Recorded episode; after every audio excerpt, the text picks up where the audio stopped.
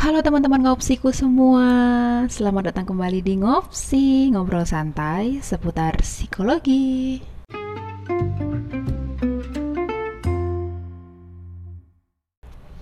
Karena kita selalu punya opsi untuk jadi lebih baik lagi.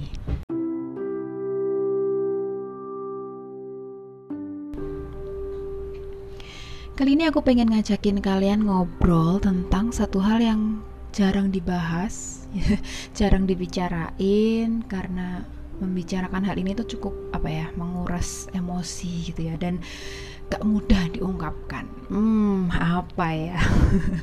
so, apa kalian udah siapin kopi dan camilan kalian buat teman ngobrol kita hari ini? Karena hari ini kita akan membahas tentang grieving atau perasaan berduka gitu ya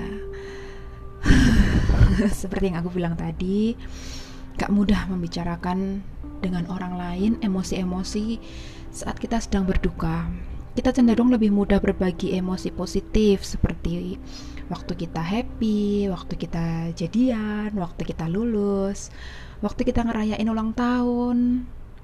Tapi kalau untuk emosi negatif, uh, rasanya kita lebih banyakkan diemnya ya bener nggak? So, kali ini izinkan aku sharing satu hal yang mungkin akan mengubah persepsi kalian tentang grieving. Yap, siapa di sini yang nggak pernah berduka? Kita semua pasti pernah lah ya. Mungkin karena mungkin ketika ada anggota keluarga yang meninggal atau karena putus pacar atau ditikung aw aw aw ya intinya perasaan berduka ini nggak cuma tentang kematian teman-teman. Tapi juga segala, segala sesuatu yang membuat kita merasa kehilangan. Misalnya ketika seseorang difonis menderita kanker stadium 3 wah hancur pasti perasaannya ya.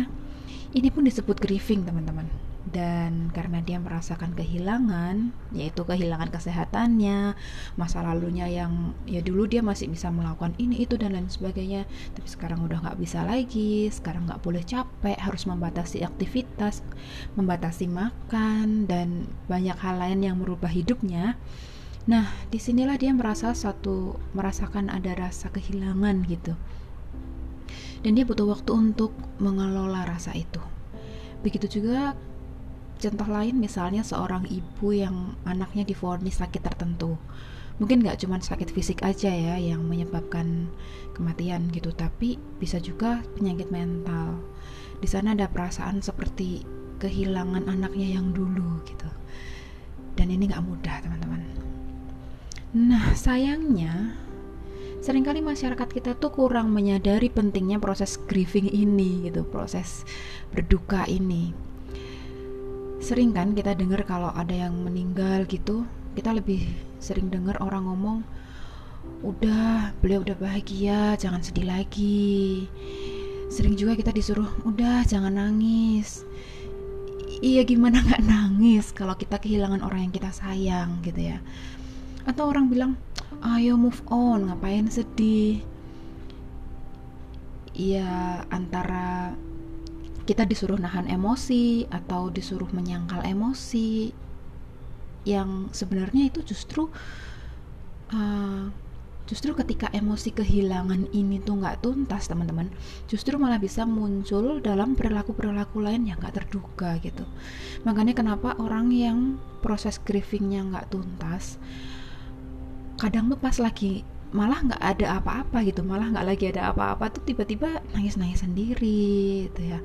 Atau kalian tahu para pelaku kriminal yang sempat dikonseling itu banyak loh dari mereka yang melakukan hal-hal yang nggak benar itu karena proses grieving yang nggak tuntas gitu. Karena mereka nggak sempat mengelola rasa kehilangan itu. Oke oke oke. Biar lebih santai kita minum dulu yuk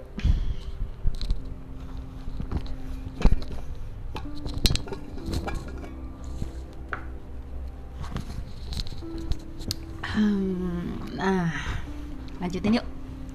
Padahal ya, ketika kita bisa mengekspresikan emosi sedih kita itu, mungkin juga perasaan nggak cuma sedih ya, kayak misalnya perasaan nggak terima, marah, frustrasi, dan emosi-emosi lain yang muncul saat kita kehilangan justru ketika kita tuh bisa mengekspresikannya kita bisa lebih aware dengan diri kita dan ada proses healingnya juga di sana gitu nah dari sana kita bisa lebih mengelola emosi diri kita sendiri dan mencari cara bagaimana supaya kita bisa menghadapi semua ini gitu.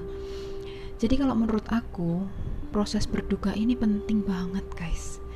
Jangan di skip jangan ditekan jangan dialihkan jangan diabaikan jangan disangkal jangan ditentang. Ya jalanin aja gitu. Ungkapin aja kalau emang kamu mau nangis nangis aja. It's normal kok. Juga buat cowok-cowok juga. Gak apa-apa. Nangis itu gak apa-apa. Itu akan lebih sehat buat kalian. Karena ya memang sudah disetting Tuhan seperti itu ya ketika kita mengalami kepedihan, kedukaan. Tuhan ciptakan hormon-hormon itu, Tuhan ciptakan air mata. Ya sudah, biarkan aja seperti itu gitu. Dan mungkin supaya bisa lebih mengobati lagi, kalau kamu bisa ya, jangan nangis sendirian Nangislah dengan seseorang yang bisa ngerti kamu, yang ngedampingin kamu melalui fase ini, fase berduka ini gitu ya. Sehingga di situ kamu merasa lebih disupport, lebih dipedulikan, ada perasaan dimengerti orang lain gitu ya. Merasa perasaan disupport, perasaan diperhatikan gitu. Dan itu akan membantu proses healing kamu. Iya, kira-kira seperti itu guys. Hubungan uh, obrolan kita tentang grieving kita hari ini. Semoga bermanfaat ya buat kalian dan semoga mengubah persepsi kita selama ini yang kita harus tahan, jangan nangis, kita harus kuat gitu ya. Nah itu justru menyalahi kodrat teman-teman. Jadi ekspresikan aja itu lebih sehat buat kalian dan semoga kita semua punya kestabilan emosi yang lebih baik lagi. Oke, segitu dulu ngobrol-ngobrol kita kali ini. See you di kesempatan berikutnya. Bye.